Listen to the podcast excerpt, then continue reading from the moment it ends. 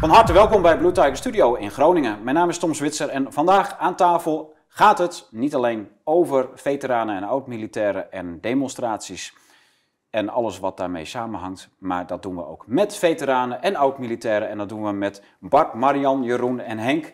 En die ga ik uitgebreid aan u voorstellen, want het hele begrip veteranen en oud-militairen, dat is nogal verwarrend, zo blijkt.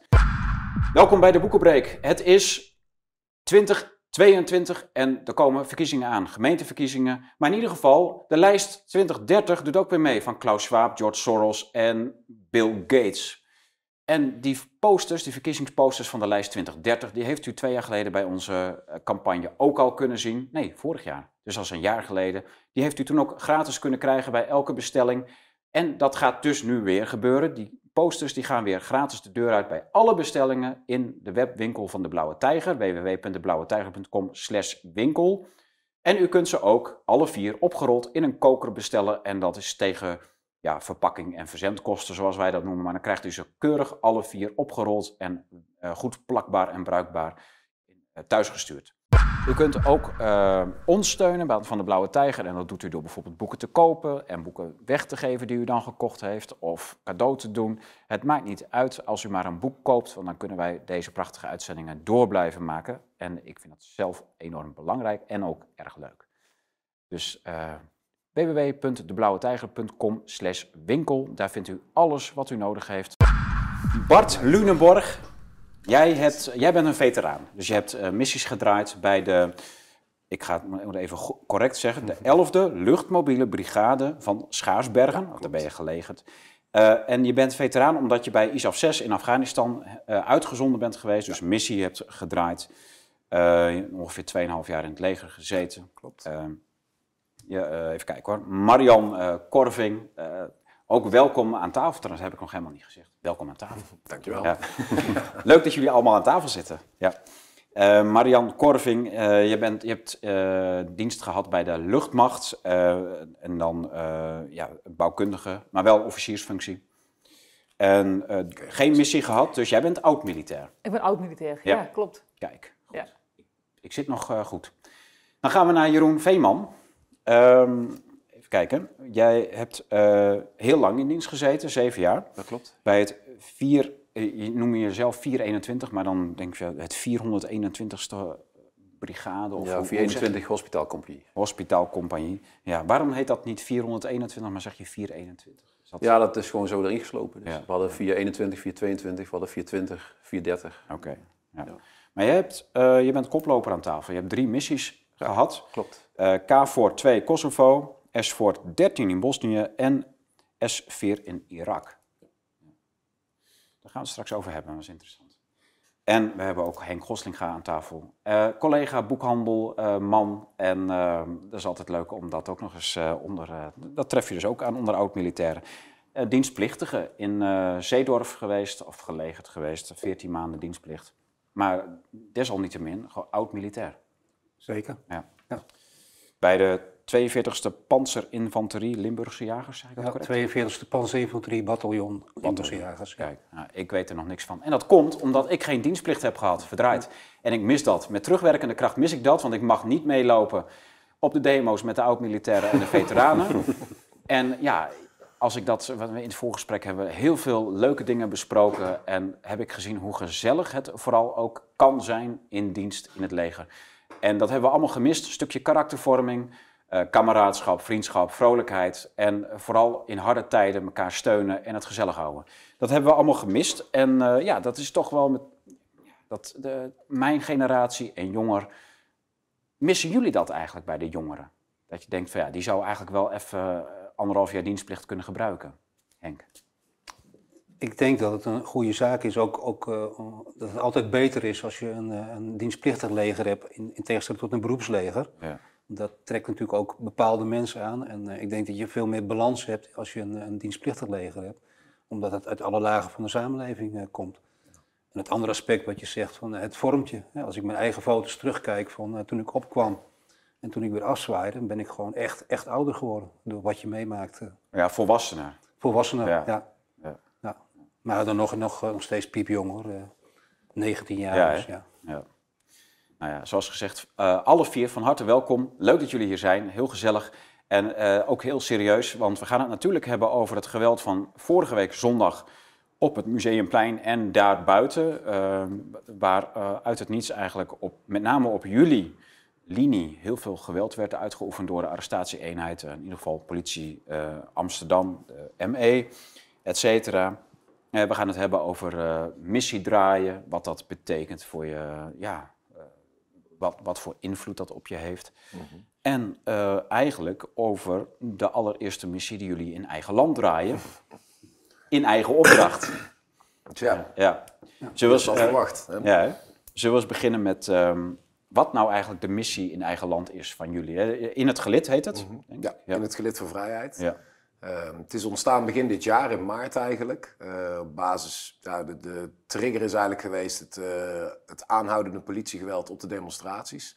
Dat is iets wat je niet meekrijgt op het moment dat je daar niet bent. Dus er zijn heel veel mensen die hebben daar een mening over, over waar je wel of niet zou moeten zijn feit is dat demonstreren grondrecht is. Ja. Grondrechten zijn voornamelijk van belang in tijden dat het niet goed gaat. In tijden dat het wel goed gaat, dan, dan lopen we er allemaal mee mee. In tijden dat het niet goed gaat, dan moeten we juist naar kijken naar waar, waar zijn die kaders nou waarbinnen iedereen zich moet houden. Um, ja, en dat, dat werd gewoon niet gedaan. Het is structureel. Hè. In 2020 zagen we het af en toe gebeuren, de, ja. de, de sporadisch. Maar vanaf begin 2021 was het structureel. Elk weekend werden die mensen daarvan afgeveegd. Um, op een gegeven moment is 14 maart op, uh, op het Malieveld. Dat, dat waren geweest. dat toen die koffiedrinkbijeenkomsten op uh, het Museumplein? Het Museumplein is dat koffiedrinken geweest, maar het, het, was verschillend. Soms was het okay. de Worldwide Demo. En dat zijn allerlei ja. verschillende organisaties die voelen dat ze zich uh, moeten uiten in deze tijden. Die een ja. bepaald geluid naar buiten willen brengen. binnen de kaders van de, grond, van de grondwet. En ja, dat werd gewoon structureel afgestraft. En als je dan zegt, nou goed, als daar een aanleiding voor is, als er, als er geweld wordt gebruikt of, of wie weet wat, dan is dat misschien nog te verklaren. Maar goed, ik ben daar zelf ook eens een keer gaan kijken in, in deze tijden. Voorheen nooit bij een demonstratie geweest. Maar het is vreedzaam. Ik bedoel, er is geen aanleiding voor dat geweld. Dus dan moet je toch ja, af gaan vragen van waarom is dat dan?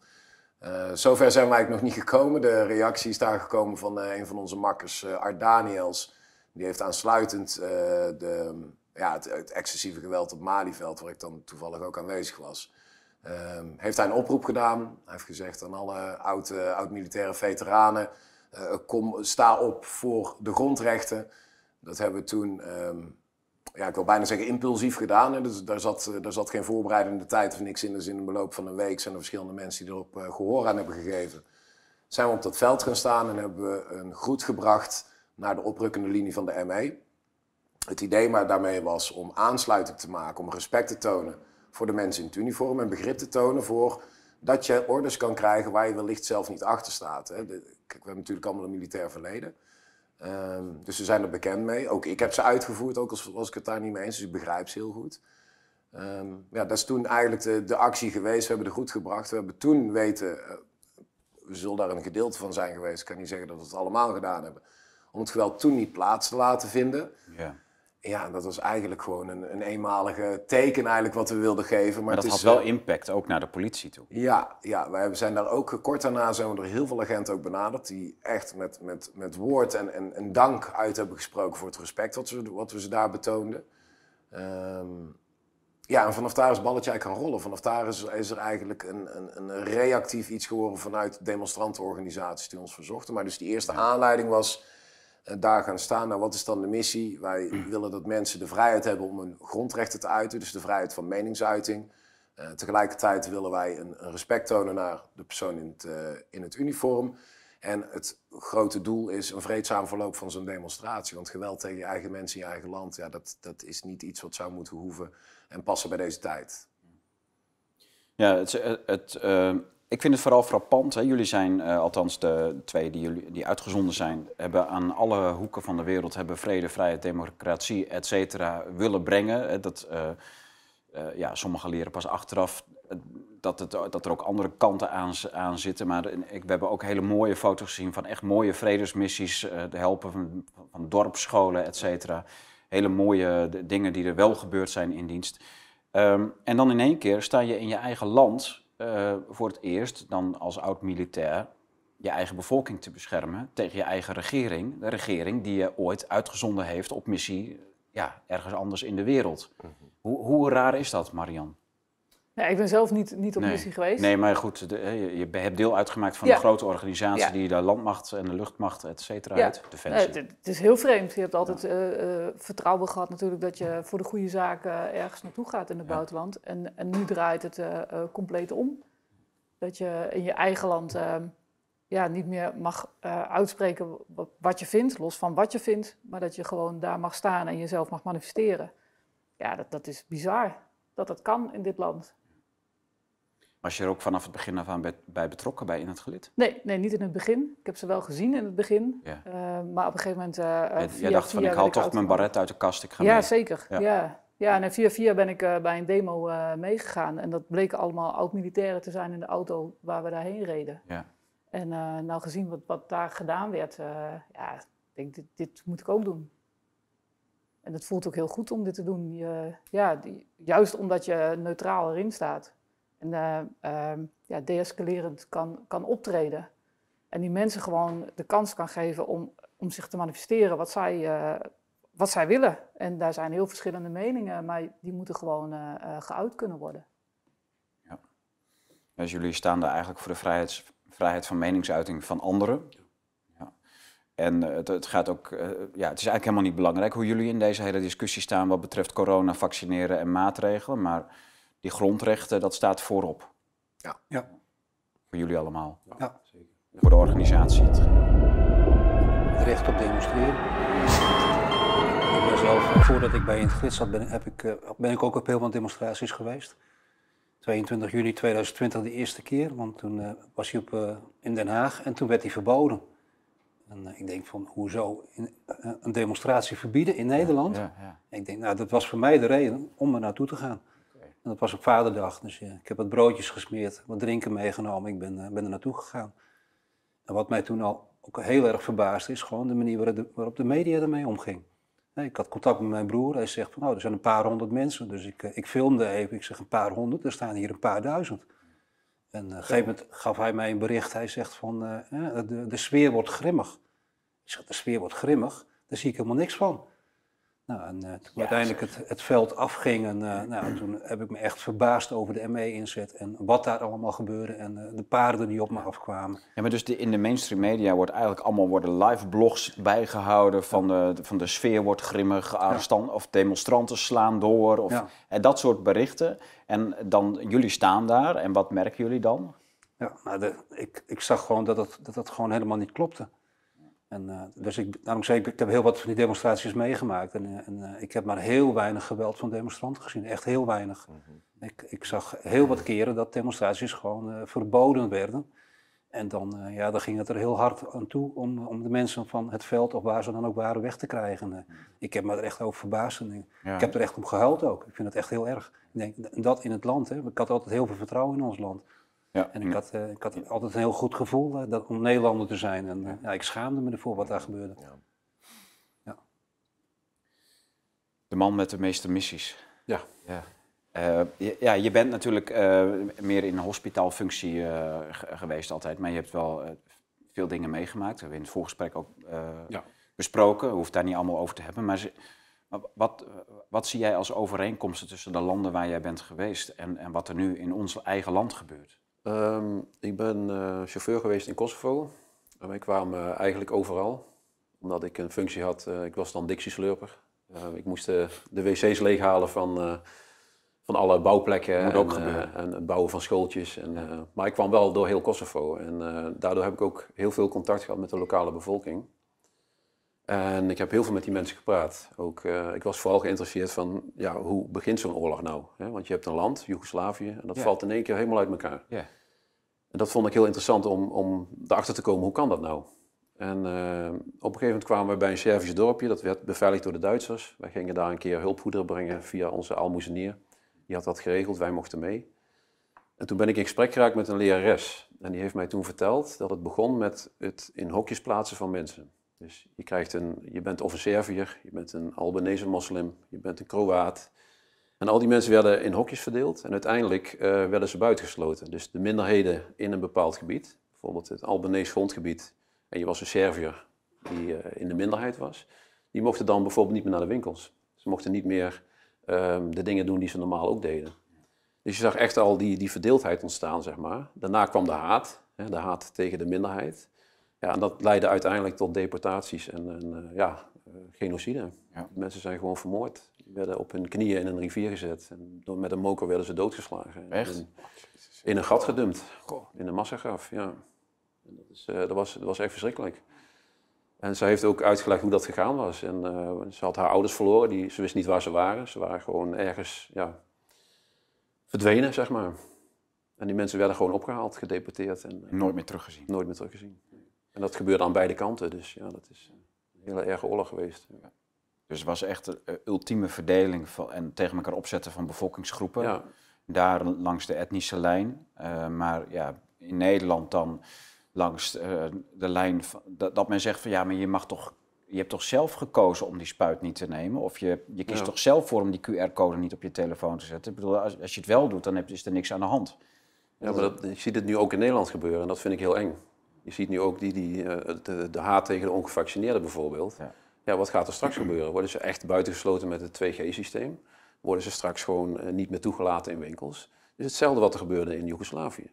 Dan denk ik van ja, wat is de volgende stap? Hè? Gaan we dan inderdaad die mensen straks opzoeken thuis, wat Hugo de Jonge zei? Van, uh, we gaan langs de deuren. Nou nu, heb je nog, nu heb je nog uh, thuisquarantaine, wat steeds, steeds een beetje beter gehandhaafd wordt. Hè. Mensen worden steeds wat iets nadrukkelijker er wordt erop gelet dat je echt in thuisquarantaine gaat als je negatief test of er iemand in je omgeving test negatief.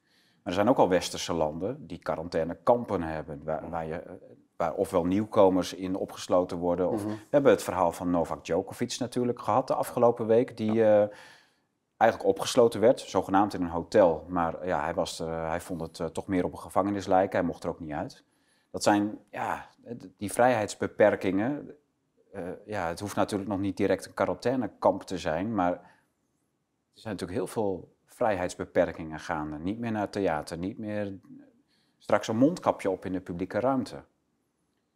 Ja, dit, dit, is gewoon een opmaat naar, naar erger. Dus ja. we moeten echt, mensen moeten zich goed gaan beseffen van hè, hoe ver wil ik gaan? Wanneer, wanneer is het voor mij genoeg?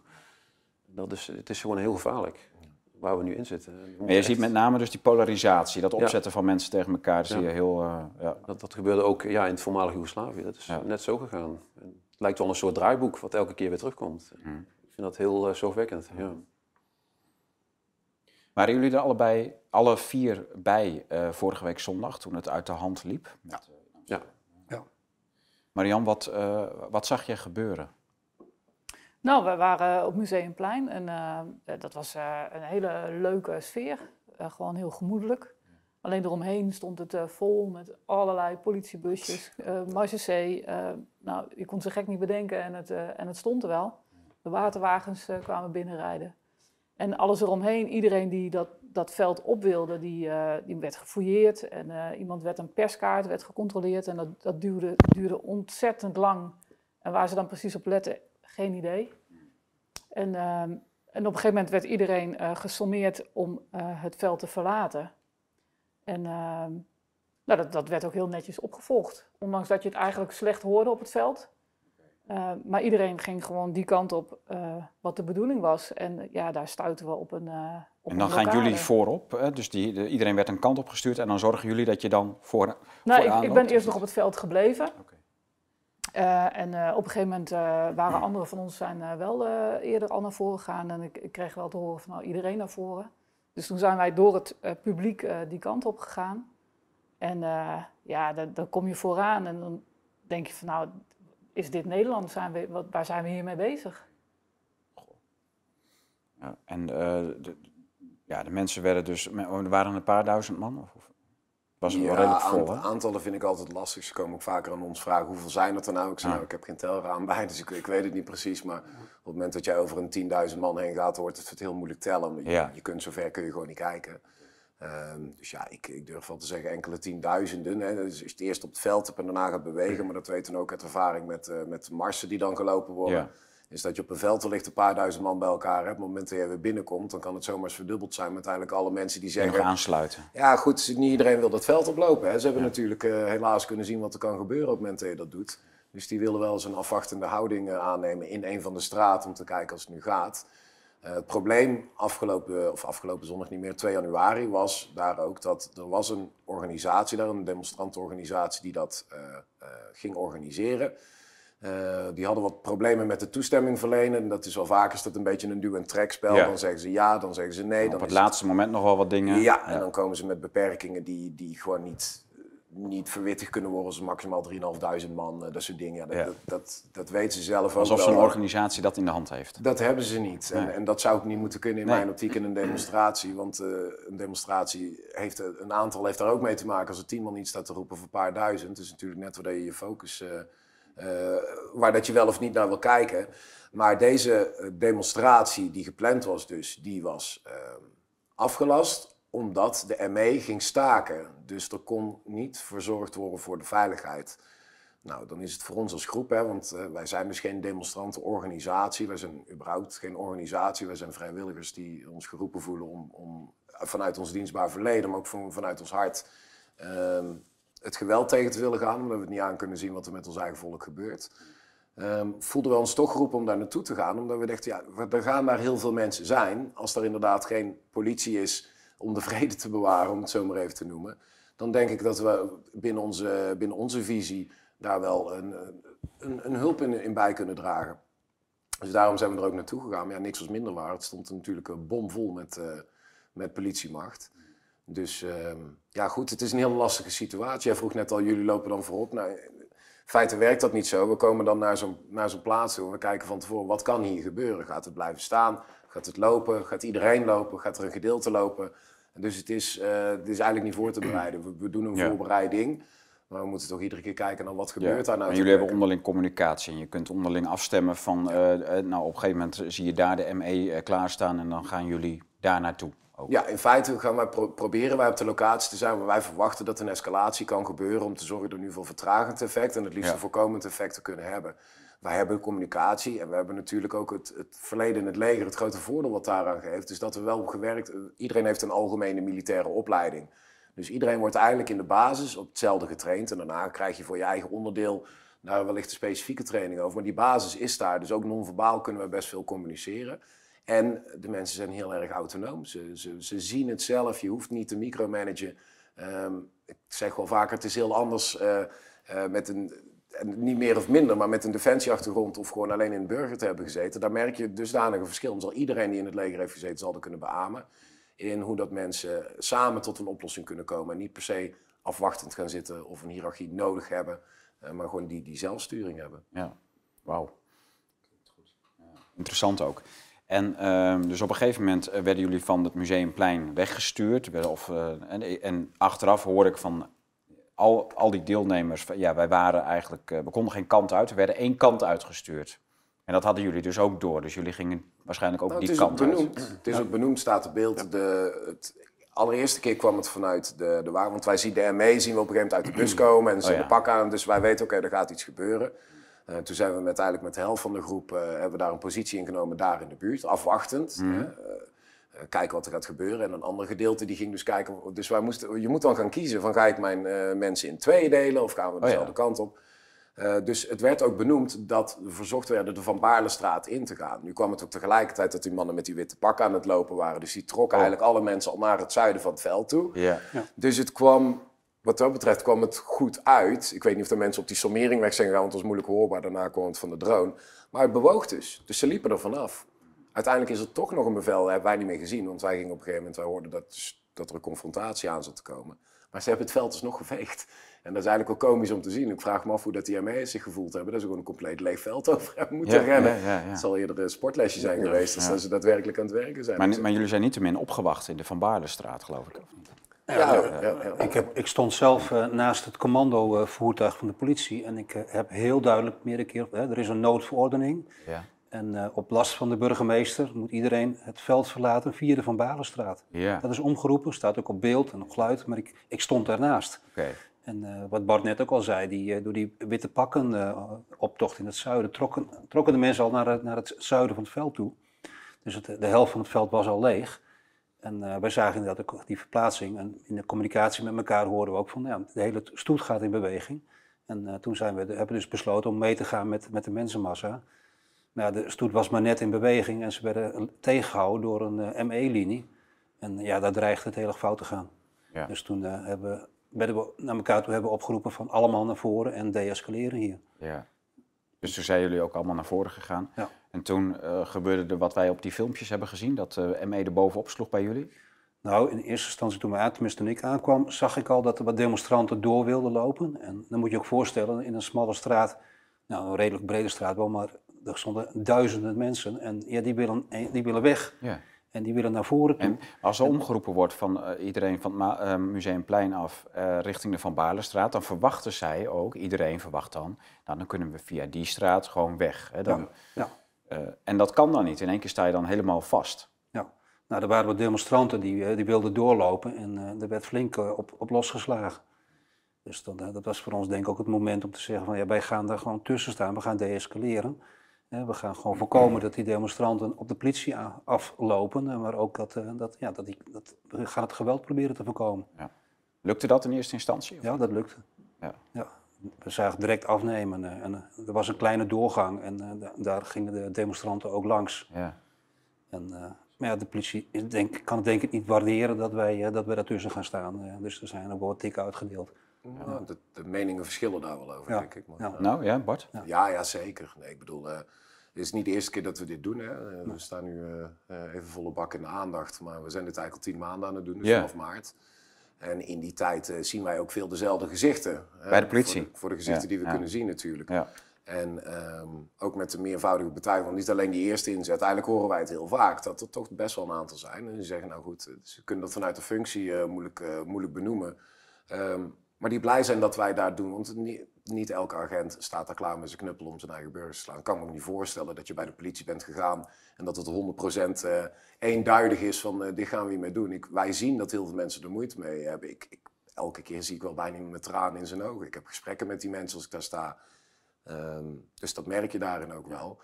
Dus het is niet zo eenzijdig. Het, het lijkt een klein beetje op, uh, op het, wat we zien in de media. Hè? Bepaalde dingen worden uitvergroot, aantallen van demonstraties worden verlaagd.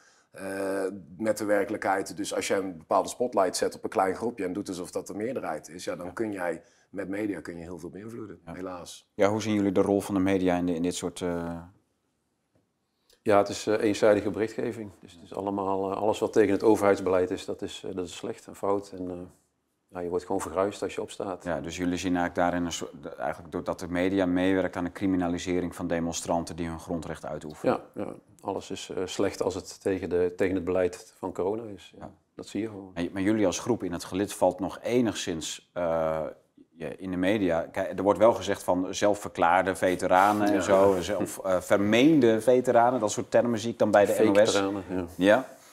Maar ja, jullie worden vaak nog wel ontzien. Hè. Ze, de, ja, maar de, de, demonstranten, je wordt gewoon, ja, demonstratie is verboden en dan, uh, ja, dan, dan, mag je al blijkbaar niet gaan als je.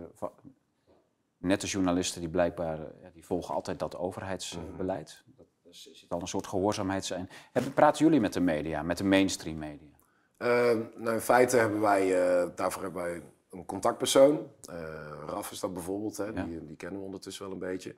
Die, wij, praten met al, wij praten met iedereen. En dat is denk ik voornaam aan... ook tijdens de demo? Ook tijdens de demo, okay. continu. Ja, het is ook een, een, proces van tevoren natuurlijk. We proberen zoveel mogelijk informatie in te winnen. We kijken sowieso altijd, altijd ten eerste als er een demonstratie is...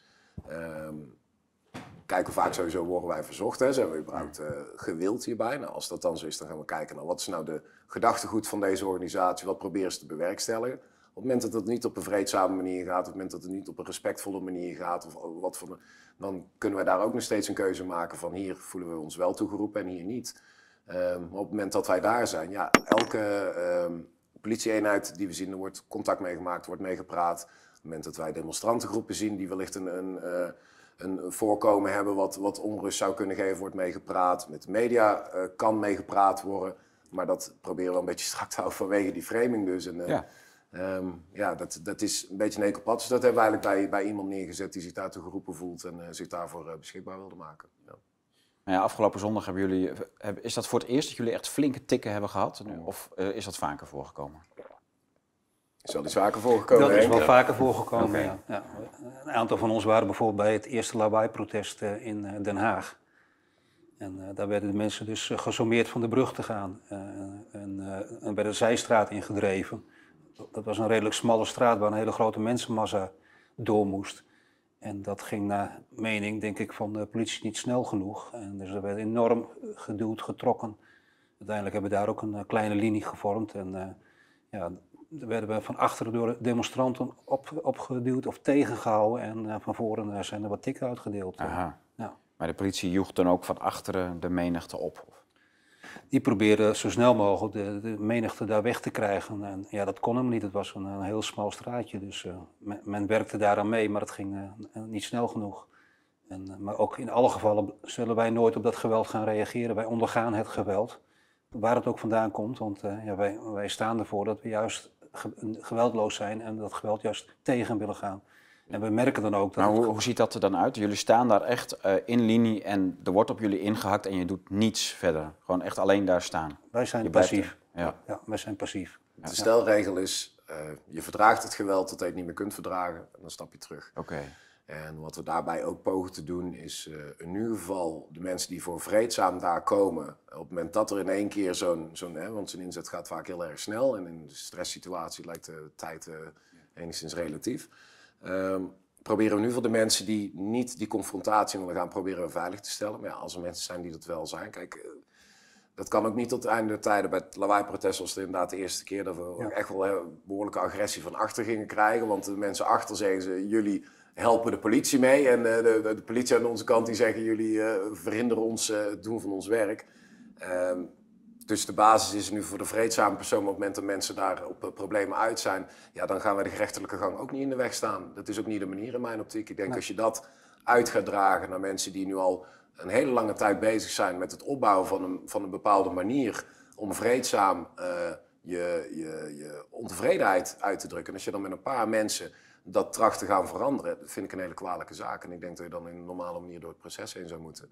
En daar, daar komen wij dus ook niet tussen. Dus wij gaan ook geen geweld faciliteren vanaf, vanaf geen enkele kant eigenlijk. Het is het geweldloos waar we voor staan.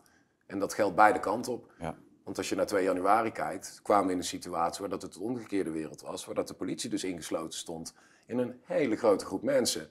Dan stonden wij op de eerste lijn. Nou, dan denk ik op het moment dat wij daar niet hadden gestaan, dat er wellicht al iets anders had kunnen gebeuren met die dienders. En ik heb dat ook wel in de. Ik denk dat hun daar heel goed van op de hoogte waren. Als je ingesloten staat, dan. Uh... Dat is niet goed. nee, dat is niet, goed gedaan. Nee, nee, nee. Zo. Dus je hebt, ja, goed, heb, heb je dat vaker meegemaakt dat ze ook, uh, ja, dat de demonstranten zo getergd zijn, of misschien dat er agent-provocateurs tussen zitten die de boel opnaaien in de menigte? Ja. En, uh, ja. Deescaleren gaat twee kanten op. Mm Ja.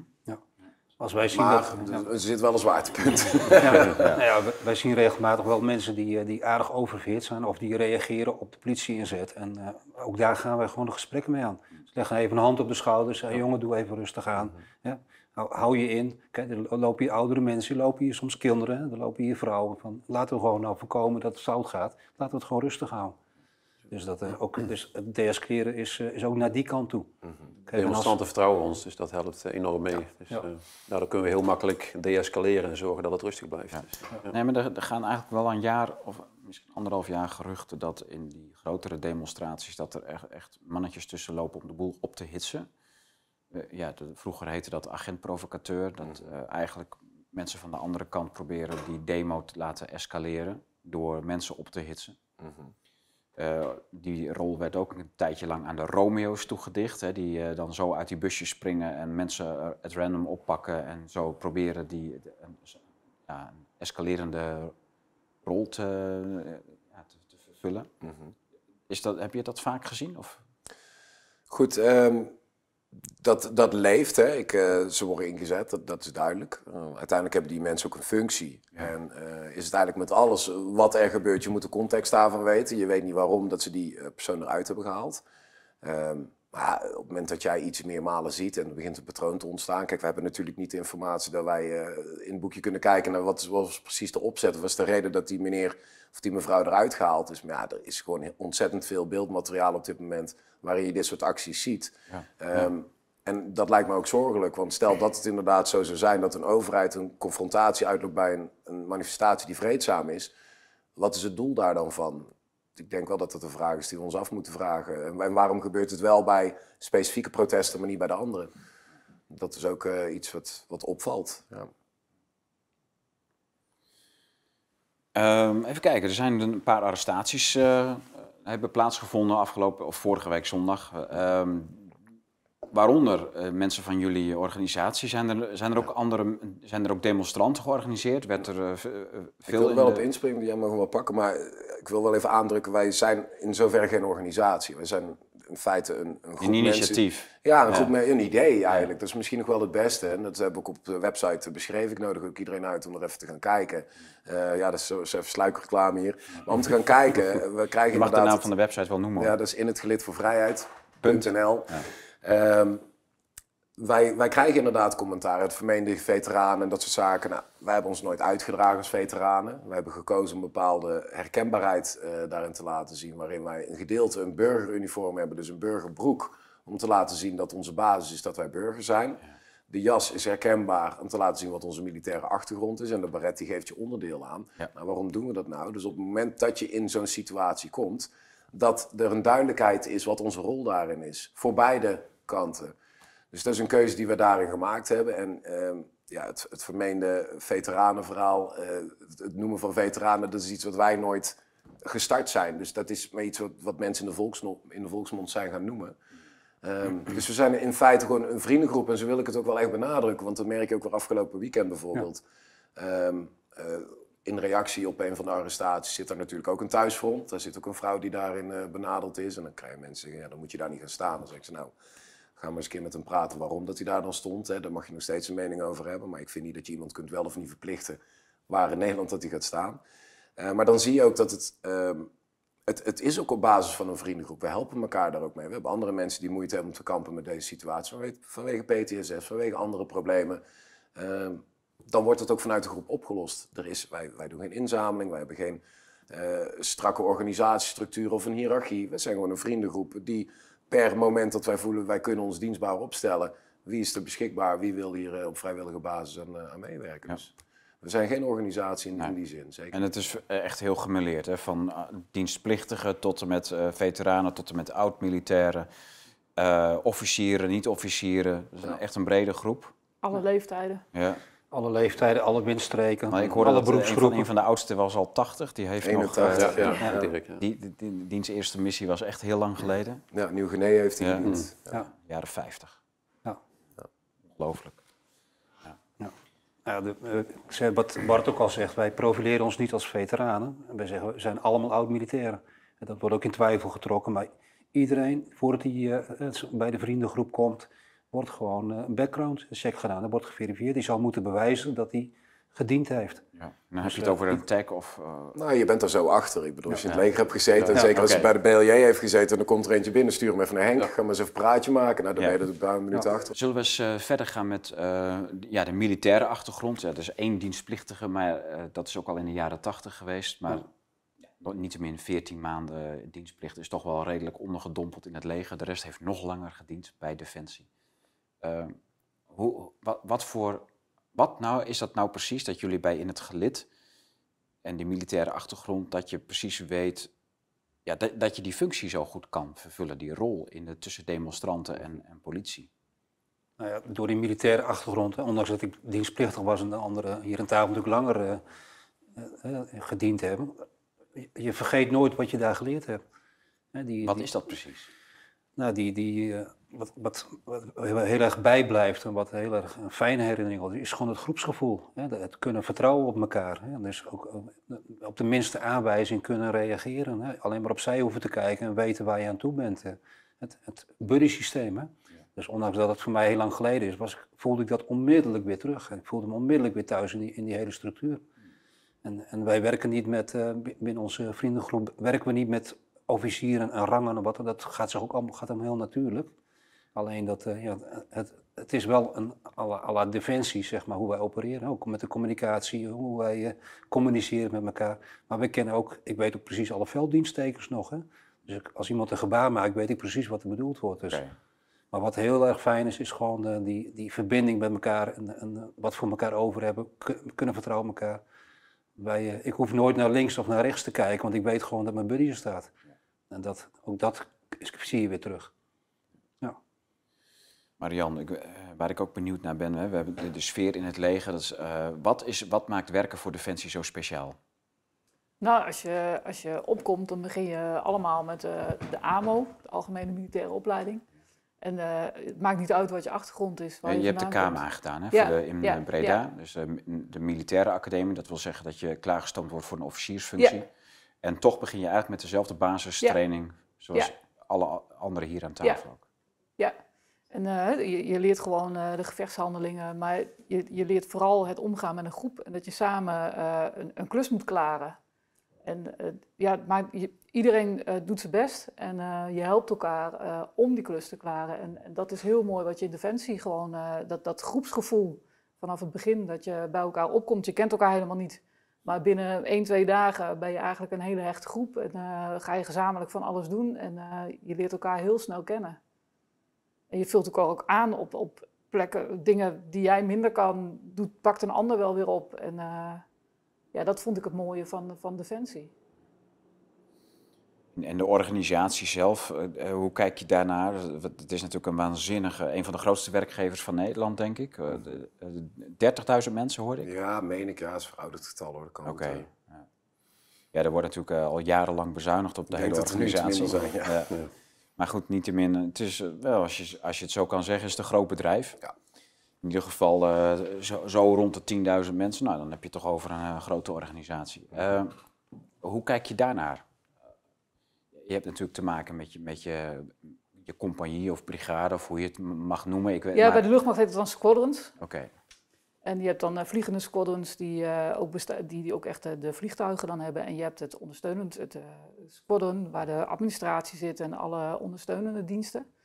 Um, en dat, zo werkt dat op, op een vliegbasis. En ja, dat, dat, dat, iedereen heeft, heeft een taak daarin. En uiteindelijk is, is het doel van die luchtmacht dat die vliegtuigen de lucht in gaan. En, en iedereen heeft een ondersteunende rol om dat voor elkaar te krijgen. En dat is het mooie dat je eigenlijk allemaal voor diezelfde missie gewoon aan de slag bent, elke dag weer. En uh, ja, dat, dat vond ik heel leuk aan de organisatie. En als je dan kijkt uh, hoe je met elkaar omgaat, is, is daar wel een groot verschil als je bij de luchtmacht zit of bij de landmacht. bij de luchtmacht is het allemaal wat informeler. Eh, je, je, praat veel meer uh, met elkaar. In, je, geeft, uh, je spreekt elkaar aan met de voornaam. Terwijl dat bij de landmacht denk ik veel meer uh, in rangen. Ik weet wel sommige mensen de voornaam niet eens. precies. Ja, sergeant, nee, sergeant. Ja, echt? Dat is, zo, zo strikt is het daar. Wat, wat maakt dat dat... Ja, de luchtmacht is dan waarschijnlijk gewoon minder... Zo'n rigide bevelstructuur heb je in het veld meer nodig dan op zo'n luchtmachtbasis? Hoe... Ja, dat denk ik. Daar kan ik niet over oordelen hoe dat bij, de, bij de landmacht gaat. uiteindelijk in de lucht, bij de luchtmacht zijn de enigen die echt eraf gaan, zijn natuurlijk de piloten met in, met een vliegtuig. Terwijl ja, bij de landmacht, ja, jullie zijn allemaal in het veld, moeten allemaal gewoon doen wat er, gedaan, wat er gezegd wordt. En uh, dat, dat zal misschien een beetje het verschil zijn. Ja, merendeel. Je hebt natuurlijk ook weer een bevoorradingscompagnie en, oh, en, en, ondersteunende functies daarin ook. Ja, dus ik vind eigenlijk wel een hele goede vraag. Ik weet niet precies waar de verschil, uh, waar de verschil vandaan komt. Grappig. Ja. Maar dat kweken van die groep wel, samen uit, samen thuis. Ja, ik heb iets, in mijn diensttijd iets van uh, eh, 17 oefeningen gehad, grote en kleine. En uh, je gaat met de hele groep weg en je komt met de hele groep terug. En als je, uh, Hoe lastig is dat om met de hele groep terug te komen? Dan moet je elkaar helpen. En dan, je ziet ook gewoon jongens om je heen breken of bijna breken. En wat wij dan doen is van elkaar de, de, de, de bepakking overnemen. En dan, uh, dat wordt verdeeld over de andere... Degene die op dat moment het kan, die pakte... Ik heb met, met dubbele bepakking gelopen en met, met een extra wapen van, uh, van, uh, van mijn buddy. En als ik er zelf een keer doorheen zat, dan gebeurde dat omgekeerd. En op het moment dat je vlak bij de kazerne komt, dan pakt iedereen zijn eigen materiaal weer en borst vooruit en laten zien dat je niet moe bent. Hè? En, uh, dus ja, dat, dat, je, je kweekt daar wel een heel, heel, uh, heel groot groepsgevoel bij. Je, hebt gewoon wat van elkaar over, je weet ook wat je van elkaar hebt. En uh, ja, je, je wordt ook op, op, op, een bepaalde manier ook, ook sterker gemaakt. Hè? Als je bijvoorbeeld na een hele lange mars terugkwam bij de kazerne, dan was het van borst vooruit, we zijn terug bij de kazerne. We laten zien dat we niet moe zijn en we kunnen nog veel meer. En ja, je loopt bijna de poort in. En dan, dat is een klassiek verhaal voor iedereen die bij Defensie heeft gezeten. En vervolgens loop je door en je gaat nog vijf kilometer verder. Mhm. En dat zijn die momenten die vergeet je nooit weer. En dat, maar dat maakt je wel. Dat maakt je wel. Mhm. Maar ook, maar ook uh, in Duitsland uh, in de kou, en dat was uh, min zoveel. Was uniformiteit. Hè? We zijn allemaal hetzelfde, we zijn allemaal gelijk. En als er dan eentje geen sjaal om had, dan gingen die sjaals bij iedereen af. Zo, echt? Ja. En dan, dan, waren we allemaal, dan hadden we het allemaal maar koud. Hè? Dus dat, zo. Ja, zo werd het zo'n beetje gevormd. Dus niet en werd er niet, die sjaal werd dan niet gerouleerd? Dat je, nee. nee. Eenheid van tenue. Eenheid van tenue. Zo. Dus krijgen we nou een beetje voor op onze donder. Ja, precies. ja, daar willen ze ons nu op, ja. Ja. proberen ze zelf tenue op te pakken. Nou, wat dan? Nou goed, dat is het commentaar wat je... Het allegaatje. Nou, het commentaar wat je van het begin af aan krijgt. En natuurlijk sommige mensen bij ons aansluiten al 30 jaar uit dienst. En ja. dan zijn er... Uh, oude jas, is, oude baret. Ja, ja, precies. Ja, of het, het past even niet meer. Dus ze moeten even naar de dumpen en de buikjes een paar maatjes erbij. Um, nou, ik vind het heel uh, bijzonder dat mensen uh, ervoor kiezen om er energie en tijd in te steken. Om vanaf de bank commentaar te lopen maken op mensen die op dit moment in mijn ogen, en anders denk ik het zelf natuurlijk ook niet, um, proberen een onderdeel te zijn van de oplossing. Ik krijg ook wel eens mensen in de lijn die uh, hè, bepaalde ook peppy infanterie dingetjes hebben gedaan en verschillende missies. Die zeggen, ja wij komen niet omdat jullie uh, open zijn voor iedereen en, en iedereen daarin toestaan. Ik zeg, nou goed, ik zeg al, heeft iemand alleen maar een koksfunctie gedraaid? Of is hij gewoon techneut geweest en heeft hij altijd de dingen gestaan? Maar heb je dan als kok, hè, uh, de, je, je bent uh, met een hospitaal, maar als kok, hè, heb je dan ook die basistraining gehad die jullie allemaal... Iedereen. Ja, iedereen. nou ja, maar dan heb je toch, dan, dan deel je dat toch? Ja, nou mijn punt is eigenlijk meer, als iemand tegen mij beweert dat hij meervoudig onderscheiden, onderscheiden veteraan is...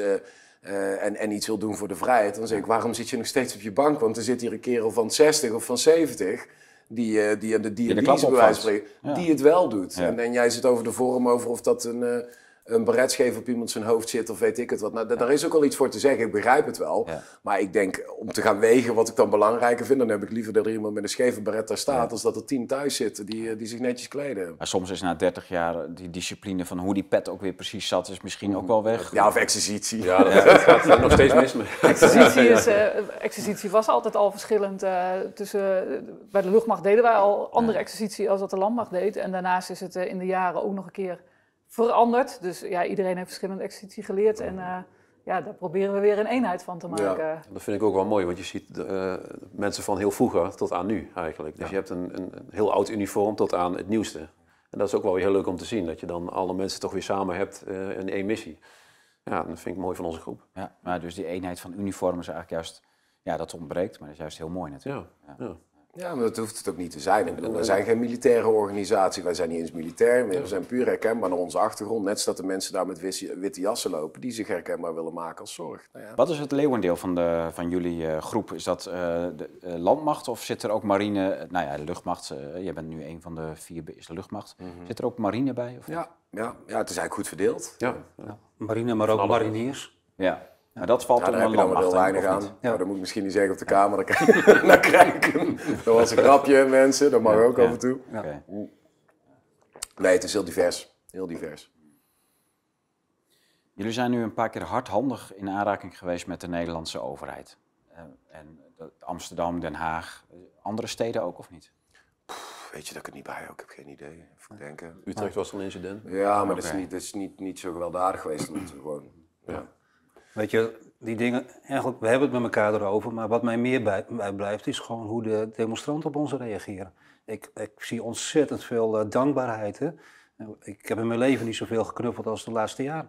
Dus dat, uh, ik, ik, sta niet zo stil bij wat er misgaat. Nee. Ik, ik, sta meer stil bij wat er goed gaat. Ja, wat ik, wat ik me afvraag, hè, van, ja, jullie hebben natuurlijk altijd voor de Nederlandse overheid gewerkt. Uh, twee zelfs voor, in diverse plekken van de wereld vrede en democratie gebracht. Uh, ja, goed, terugkijkend kun je van alles over dat soort missies zeggen. Maar deze Nederlandse overheid is diezelfde overheid die jullie uitgezonden heeft en die nu de rechten, grondrechten van de Nederlandse volk, bevolking uh, inperkt. We hebben natuurlijk in het Westen hebben we sowieso veel te maken met inperking van grondrechten al langere tijd. Julian Assange is een groot voorbeeld van hoe vrijheid van meningsuiting ja, gecriminaliseerd wordt als je niet de juiste mening hebt. Uh, en dan heb je nog uh, Snowden, die, uh, nou, beide hebben een grote rol gespeeld bij het onthullen van de schandalen van de Amerikaanse overheid.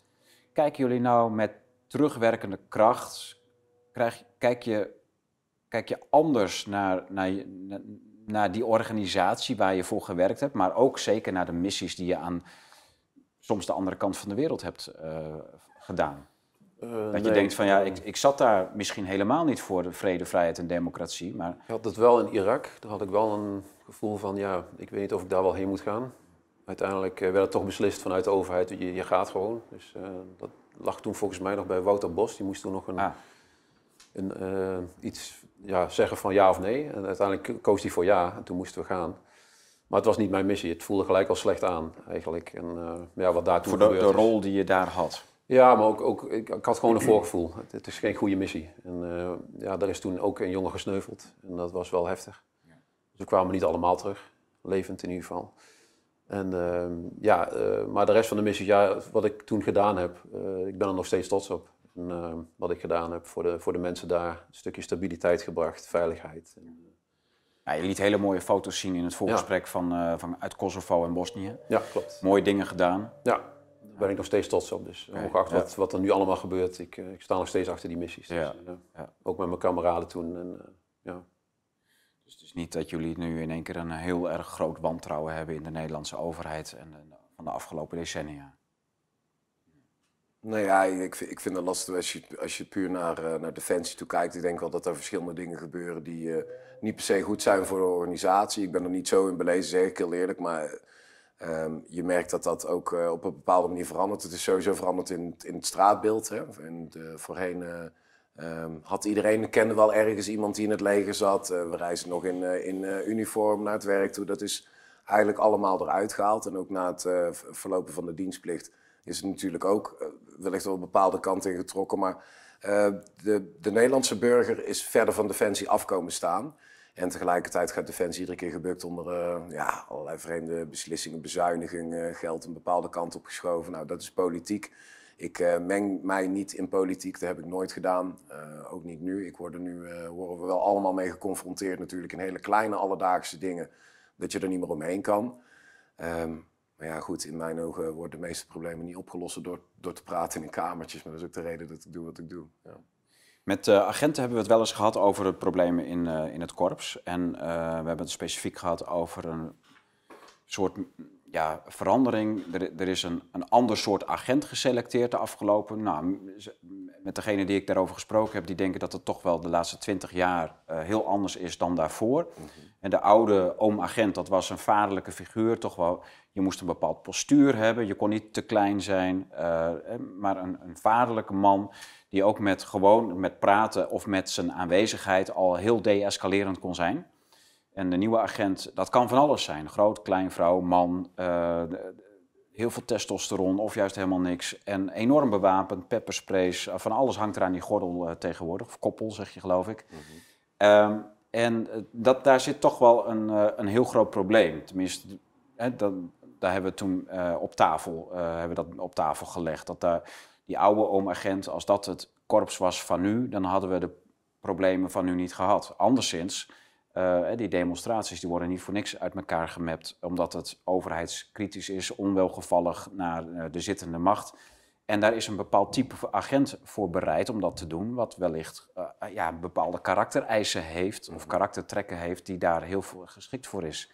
Niet, maakt zich niet echt druk om geweld in te zetten, wellicht narcistisch, houdt van we, hebben het gehad over de aanwezigheid van drugs in de, onder, onder dat soort agenten.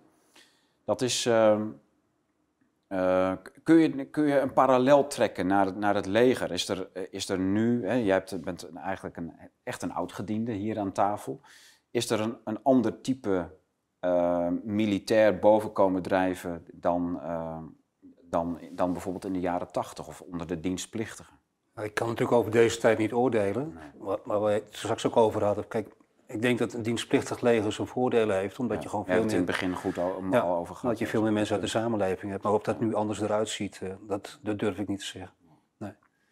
En ook met die agenten, uh, wij, wij, maken ook verbinding met heel veel agenten en we hebben heel veel goede gesprekken. En, en ik kan niet geloven dat, het, dat, er, ook, dat daar een eenzijdig beeld is in wat voor type agent daar ook gewoon ja, het is meer een tendens. Hè, van de, ja, die, die agent van vroeger is toch gemiddeld ja. een andere agent dan die van nu. Ja. Maar ja, wat, wat nou, ook veranderd is, veranderen ja, wat ook veranderd is, kijk, ik ben opgevoed met, uh, met respect hebben voor het gezag.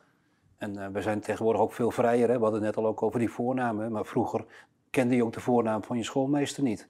Tegenwoordig is het allemaal uh, je en jij. En dat, we hebben ook een hele andere tijd waar we in zitten. Mm -hmm. En ik denk dat, dat ja, de samenleving verandert mee. En ook zulke organisaties uh, veranderen mee. Verhard ook, hè? De samenleving is verhard. Ja. Uit elkaar gehaald eigenlijk. Uh, social media's en dat soort dingen. Mm Het, het onmenselijk meer. Ja. Ik, ik denk wel wel interessant is omdat je vanaf, vanaf de politie kijkt.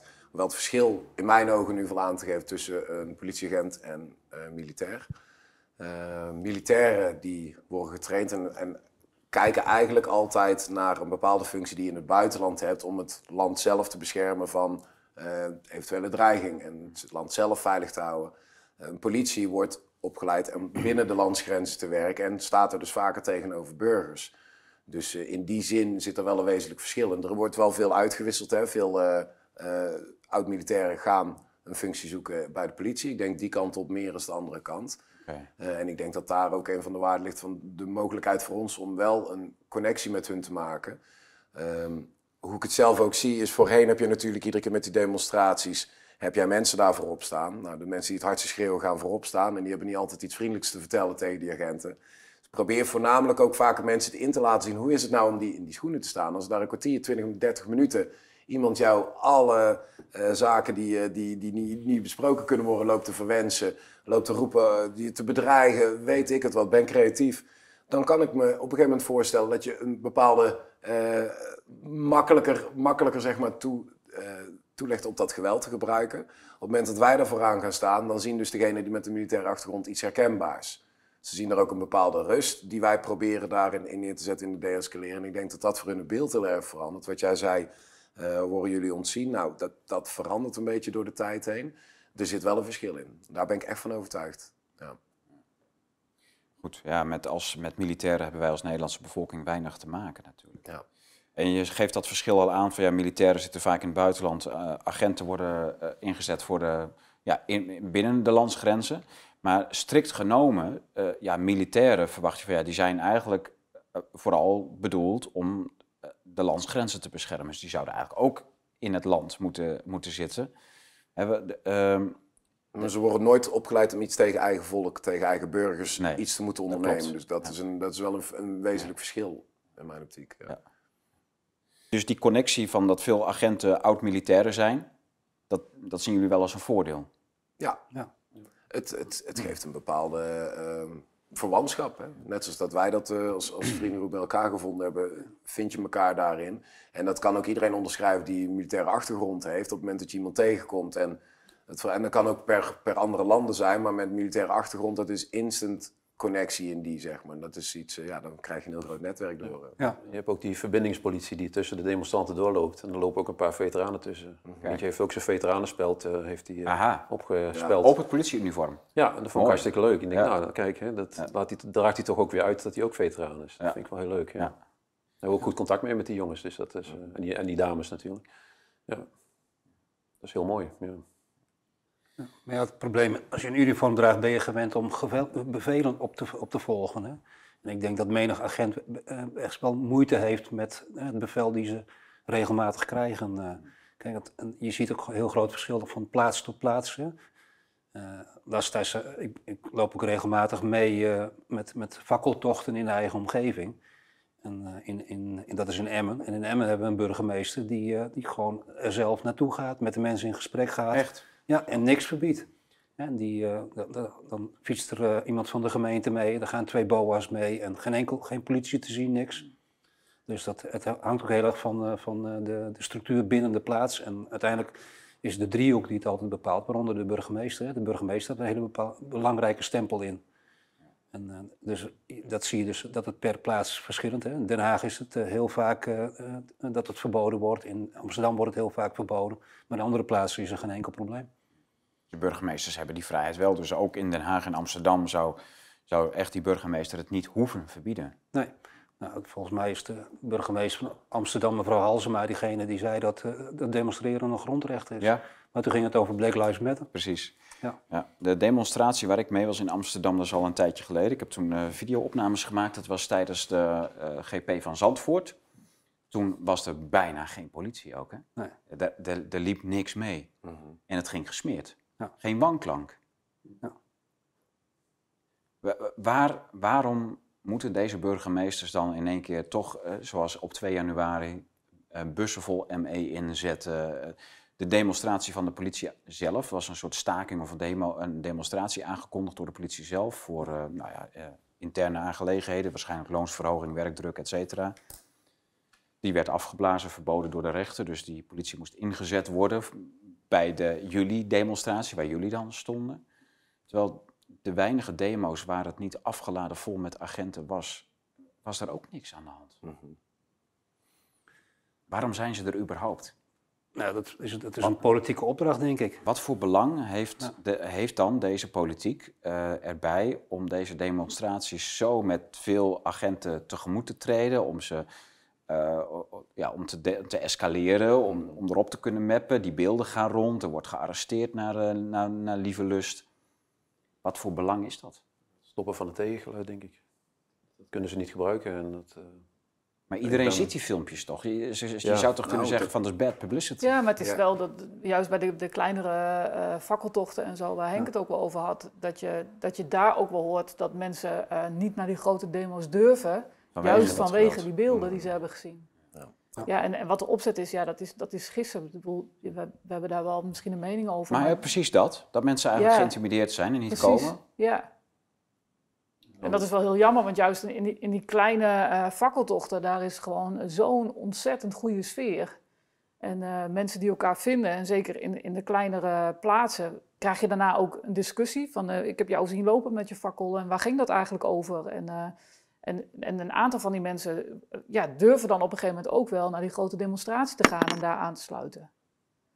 Maar dat, ze moeten wel echt die drempel over. Mhm. Ik heb ook heel veel mensen gesproken die waren er op 2 januari en die, die hebben niks gezien. Gewoon uh, geen, geen knokken, helemaal niks, geen klappen. Dus, nou ja, goed, je, Mooi zo. die filmpjes gaan rond op social media. Dus, ja. uh, maar ja, duizenden mensen die dus gewoon helemaal niks gemerkt hebben. En die achteraf zeggen, ja, ik stond er echt 50 meter vanaf, maar ik, had, er was, ik merkte niks, helemaal niks. Ja.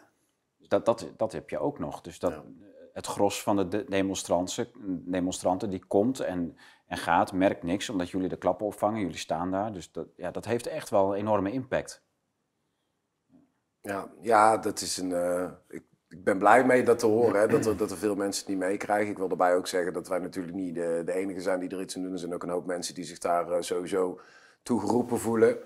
Um, kijk, uiteindelijk denk ik uh, dat het geweld niet nodig is. Ik, uit mijn persoonlijke ervaring ook de keren dat ik het zie escaleren... is juist vanwege een inzet van een grote ja, troepenmacht... wat een bepaalde steeds weer. tegenreactie ja. inderdaad oproept. Hè. Ja. En, Want die GP in Zandvoort, dat, die, die dag, dat was, dat was illustratief. Mm -hmm bepaalde sfeer. Gewoon ik heb twee keer van voor naar achter de hele stoet langs gelopen. En uh, vlak voor het einde heb ik een terrasje gepakt. Uh, toen stond ik vooraan. Ik heb alles laten voorbij passeren. Niks, geen politie. Er was zo weinig. Er waren een paar vriendelijke buurtagenten die, die meeliepen en, uh, en toekeken. Vooraan de stoet liepen jullie, 50 meter daarvoor, reed één busje met misschien tien agenten die, die liepen. Mm -hmm. Maar er was niks, helemaal niks. Het was leuk.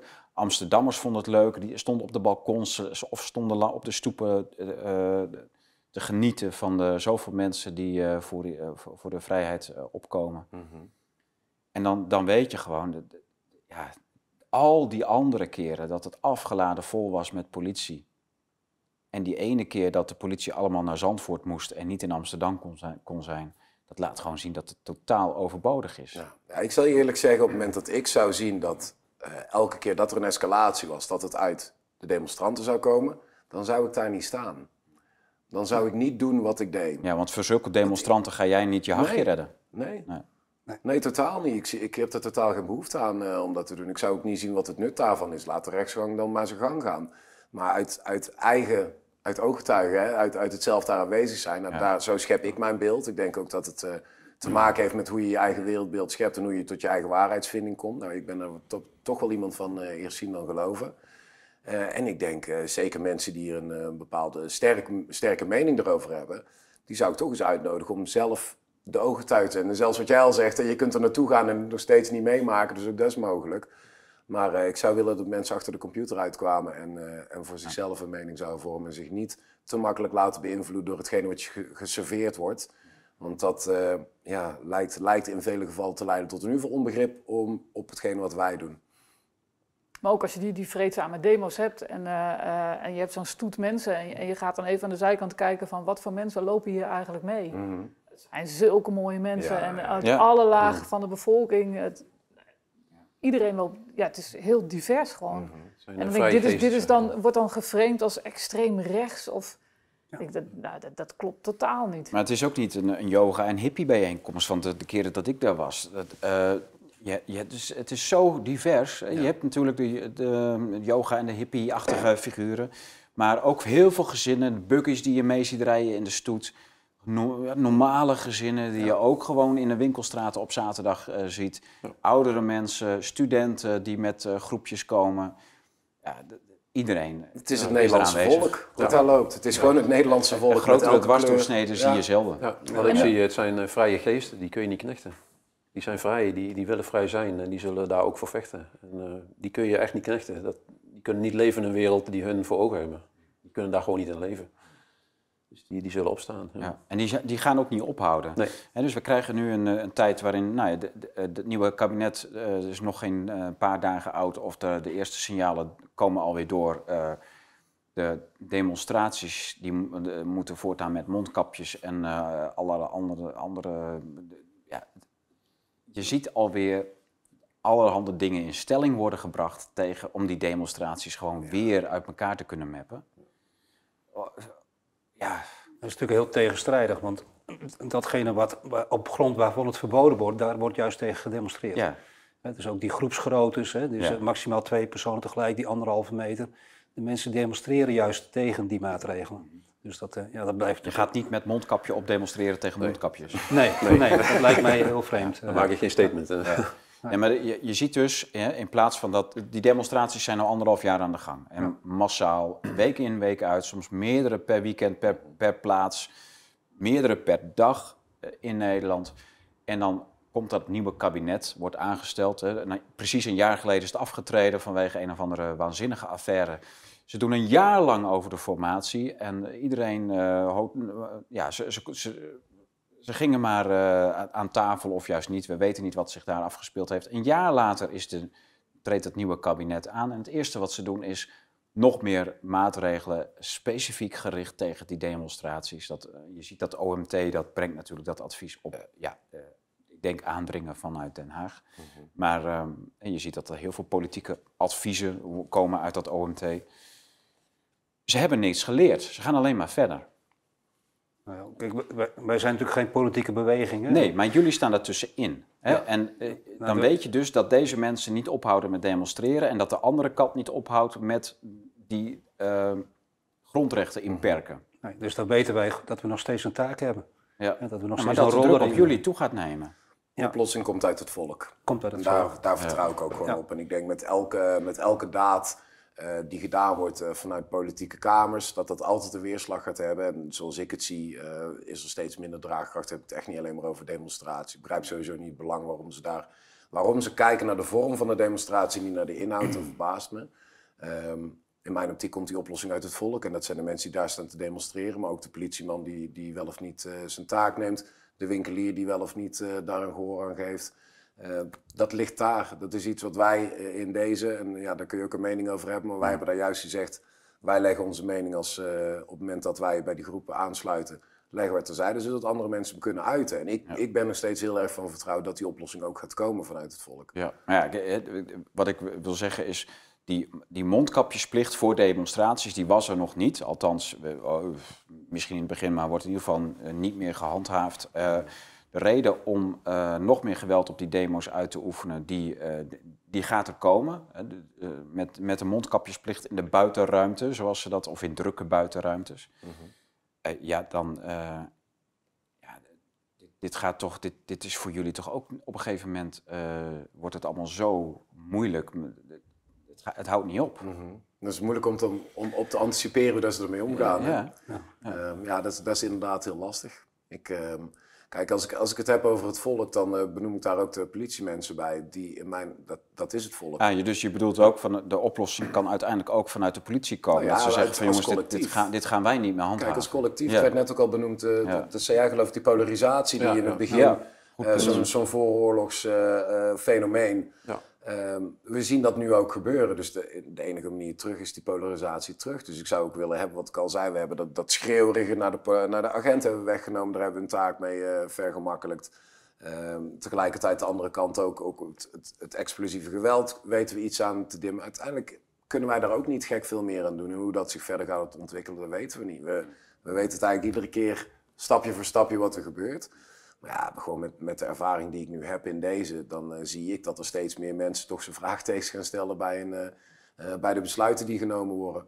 En ja, uiteindelijk zou daar de oplossing uit moeten komen. Wij, wij als groep kunnen daar gewoon heel erg weinig aan doen. Wij proberen het kleine stukje waarin wij denken iets goeds te doen, uh, proberen wij invulling te geven. En dat wordt dus best wel bevestigd door de mensen die we daar spreken. En dat, ja. daar ben ik het nooit voor gaan doen voor een bedankje, maar het doet me wel goed. En het zorgt ook dat ik uh, ja, dat, er standvastig in ben. Wat ik net ook al zei, dat blijft hangen, niet, uh, niet de, de, negatieve kant.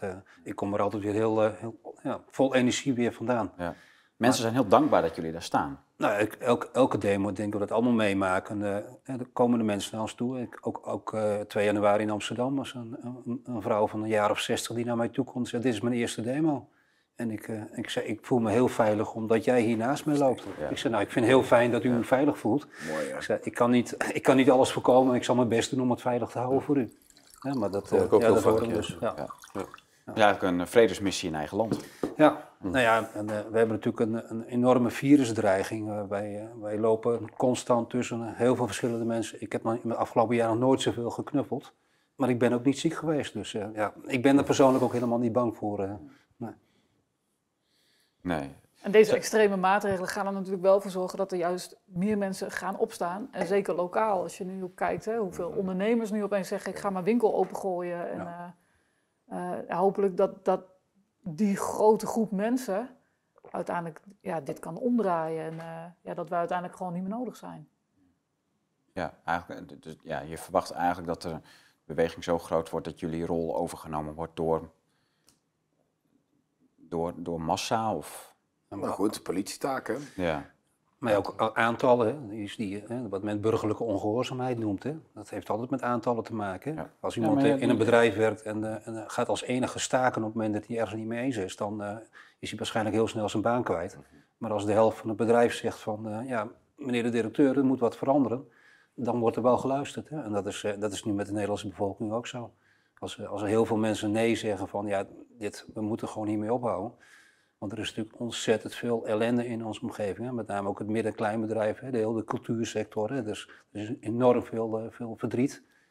En uh, ja, wij hopen natuurlijk met z'n allen dat wij gewoon weer uh, terug kunnen naar een situatie. Hè? Dat, we, dat we niet meer boos zijn op elkaar en gewoon weer in vrede en harmonie met elkaar kunnen omgaan. Ja, ja. mooi punt. Ja. Zijn er nog aanvullingen voor wij naar het einde van de uitzending gaan? Um, ja, ik wou nog een, een, gedicht voordragen voor het einde. Ah, prachtig. Ja. Het is van uh, Siegfried Sassoon. Dat was een uh, officier in de Eerste Wereldoorlog. Ja. Die heeft uh, gevochten in de loopgraven. En terwijl hij daar zat, heeft hij gedichten geschreven. En dat laat heel mooi zien hoe een soldaat denkt. In een oorlog of in een uitzending of waar hij ook heen gaat. En dat wou ik voordragen als afsluiting. Nou. Dus, ik ga het proberen. het is in het Engels. Dus, ah. Oké, okay, het gedicht heet Dreamers. Uh, Dreamers door Siegfried Sassoon. Soldiers are citizens of death's grey land, drawing no dividend from time's tomorrows. In the great hour of destiny they stand, each with his feuds, jealousies, and sorrows. Soldiers are sworn to action, they must win some flaming fatal climax with their lives. Soldiers are dreamers when the guns begin. They think of firelit homes, clean beds, and wives. I see them in foul dugouts gnawed by rats, and in the ruined trenches lashed with rain, dreaming of things they did with balls and bats, and mocked by hopeless longing to regain bank holidays and picture shows and spats, and going to the office in the train. Dus het is eigenlijk uh, wat uh, specifiek vermeldt wat wij zijn. Wij zitten in een hele gevaarlijke situatie, ver van huis. Maar we dromen eigenlijk van de simpele dingen. We willen gewoon naar huis om uh, gewoon lekker bij het haardvuur te zitten of baseball te spelen eigenlijk. Dat is wat een veteraan is. En wat om, om, dat te kunnen doen, zit je daar ver weg aan het front. Ja, dus dat had hij heel goed door. En dat heeft hij ook heel mooi verwoord in dat gedicht. Ja. Mooi gedaan. Dank je. Ja. Dankjewel Jeroen. Ja. Uh, dankjewel Marian, Bart en Henk. Ja, bedankt Tom. Ja, ook bedankt Tom. Dank voor het kijken uh, naar deze hele interessante uitzending. Dit is al een hele lange wens voor mij om met vier van deze mensen, deze helden, aan tafel te mogen zitten in Groningen. Want ze zitten week in, week uit in Amsterdam en Den Haag. In de, ja, niet vuurlinie, maar toch wel behoorlijk linie. Uh, klappen op te vangen, uh, te bemiddelen, diplomatiek te bedrijven, et cetera. En uh, dat doen ze voor u, omdat u kunt demonstreren. dus dat is de reden te meer om daar toch heen te gaan. Er komen nog meer maatregelen aan. U weet dat het kabinet niet terugtrekt op de schreden die ze al gezet hebben. Integendeel, de signalen die wij nu krijgen, ja, die geven, dat, dat, geven aan dat, dat het alleen maar erger gaat worden. dat er niet toegegeven gaat worden aan eisen van demonstranten. En uh, dat de maatregelen niet van tafel gaan, dat we het MKB niet kunnen beschermen, dat kinderen nog steeds niet naar school kunnen gaan, dat studenten niet kunnen studeren. Dat alles gaat alleen maar door. En dat zal ook de reden zijn waarom u naar dat Malieveld en naar dat Museumplein trekt, andere demonstraties bezoekt en daar wordt u beschermd door in het gelid voor vrijheid. Uh, bezoek de website, dan kunt u zich uh, verder informeren over deze organisatie, deze fantastische club.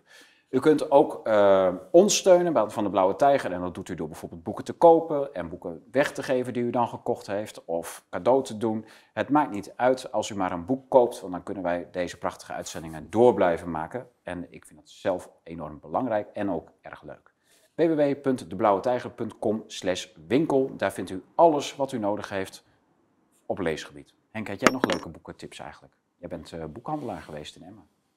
Ik ben uh, boekhandelaar geweest, maar ik, op dit moment uh, lees ik vooral heel veel dingen. Achter, probeer ik achtergrondinformatie te krijgen. Hè. Probeer ja. achter te komen, wat speelt er nou? Hè. Dus, en, en, ook de termen die je nu ook allemaal hoort. Meer online of ook boeken? meer online, ja. ja. ja. En, dingen als de Build Back Better, ik wil graag weten wat het is. Ja. Dus ik lees heel veel op dat gebied, maar voornamelijk op het scherm.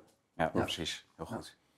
Mensen bedankt. Wel thuis. Bedankt voor het kijken. Registreer je op bluetooth.studio, ons eigen videoplatform. Uh, want dan krijgt u nieuwsbrieven, u krijgt uh, uh, signalen wanneer er weer nieuwe video's en podcasts geüpload worden. U kunt ook comments plaatsen onder de video's. Dat alles op bluetooth.studio. Registreer en doneer. Tot de volgende keer.